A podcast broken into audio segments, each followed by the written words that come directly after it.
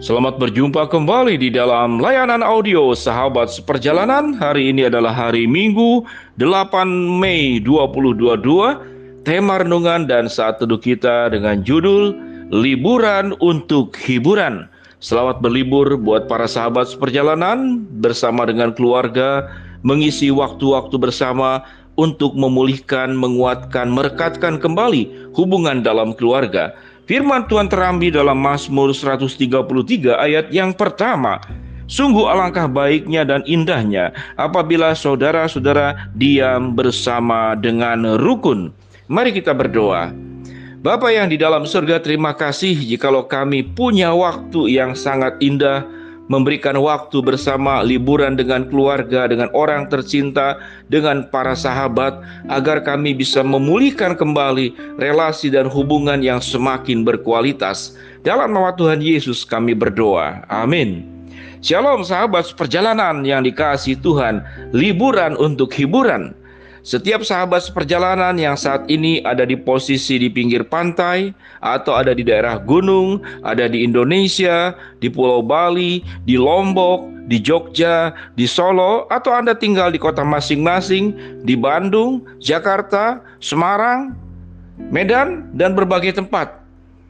Sahabat seperjalanan yang dikasih Tuhan, pemerintah sudah mengatur ada waktu untuk liburan Pemerintah sebagai orang tua yang diangkat oleh Tuhan bagi masyarakatnya mengatur sedemikian rupa ada waktu tatkala kita berhenti dari kesibukan dan diberikan liburan menjadi sebuah hiburan dan yang lebih utama daripada hiburan adalah yang seperti firman Tuhan katakan menciptakan kerukunan, menciptakan saling mengerti. Maka pengertian yang indah itu adalah seperti embun dari gunung Hermon ke Sion, seperti minyak Harun dari kepala Harun ke janggut sampai kepada ke leher jubahnya. Sahabat seperjalanan yang dikasih Tuhan, tatkala di masa-masa liburan ini, maka kita punya banyak waktu untuk merenungkan tentang kehidupan kita ini. Kita telah dipacu oleh kehidupan dengan kecepatan, perjuangan, mencari segala sesuatu untuk kehidupan kita. Di masa-masa Liburan ini sesungguhnya tidak hanya untuk mencari hiburan, hiburan-hiburan makanan ekstra, kemudian bepergian untuk mencari kuliner, bermain di pinggir pantai, di gunung, berbagai macam permainan, shopping, dan segala sesuatunya. Namun sesungguhnya waktu liburan itu adalah masa yang paling penting untuk melakukan retreat, menarik diri dari kesibukan, kemudian menata ulang hidup, agar kehidupan kita menjadi semakin baik. Tatkala kehidupan menjadi semakin baik di dalam segala aspek, maka itu adalah hiburan yang tertinggi. Penderitaan tatkala hubungan itu tidak mengalami sebuah hubungan yang saling mengerti namun saling menyakitkan, maka itu bukan lagi hiburan, tapi itu adalah kuburan. Kita dikubur sekalipun kita belum meninggal. Itu namanya kuburan. Memperjuangkan relasi yang baik tentu berdasarkan kebenaran firman Allah. Apa itu yang firman Tuhan ajarkan? Sungguh alangkah baiknya dan indahnya apabila saudara-saudara hidup dan diam bersama dengan rukun. Persoalan kuburan yang terjadi dalam kehidupan kita sementara kita belum meninggal adalah tidak rukun. Kenapa sebuah rumah tangga, sebuah kehidupan yang tidak rukun itu menciptakan kuburan dalam kehidupan kita? Menciptakan hal yang menakutkan dalam kehidupan kita. Banyak faktor penyebabnya. Sikap egois, sikap mementingkan sendiri, sikap keras kepala, sikap sulit untuk menerima masukan, tidak mau berubah. Tatkala diminta berubah, saya kan orangnya begini dari dulu. Kalau kamu mau terima saja, kalau tidak mau ya sudah. Aku ya aku, kamu ya kamu. Maka itu adalah sikap keras kepala, sikap tegar tengkuk sikap bebal sebagaimana yang Tuhan peringatkan kepada bangsa Israel yang tegar tengkuk dan bebal. Hiburan yang tertinggi adalah kerukunan, bukan liburan.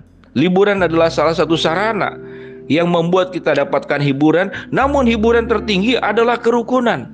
Bagaimana hidup bisa menjadi rukun, sahabat, seperjalanan yang dikasih Tuhan. Belajar untuk menerima satu dengan yang lain dengan segala kelebihan dan kekurangannya Tidak ada manusia yang sempurna. Tidak ada. Tatkala sahabat seperjalanan menganggap dia lebih banyak buruknya daripada aku, maka ilustrasi yang sangat sederhana sekali, sangat sederhana sekali, ada dua piring makanan. Makanan dua-duanya yang satu adalah busuk semua, sudah busuk. Dan Anda itu tidak busuk, satu piring itu tidak busuk. Namun satu sendok kebusukan itu dimasukkan ke dalam makanan dalam piring yang Anda akan makan, satu sendok saja sementara nasi ataupun makanan yang kita makan itu satu piring tidak busuk. Tapi yang busuk satu itu dicampur, diaduk, menyatu dengan makanan yang tidak tidak mengalami kebusukan. Pertanyaannya, maukah sahabat seperjalanan memakannya? Tidak mau memakannya. Busuk sedikit, busuk banyak, tetap busuk. Dosa banyak, dosa sedikit, tetap dosa. Dan di hadapan Tuhan tidak ada dosa besar dan dosa kecil. Kita semua adalah orang berdosa. Oleh sebab itu belajar untuk saling menerima kelebihan dan kekurangannya. Kalau tentu dengan menerima bukan berarti membiarkan. Kita akan berjuang bagaimana menolong dia bisa berubah menjadi semakin baik. Dan tidak perlu merasa terluka.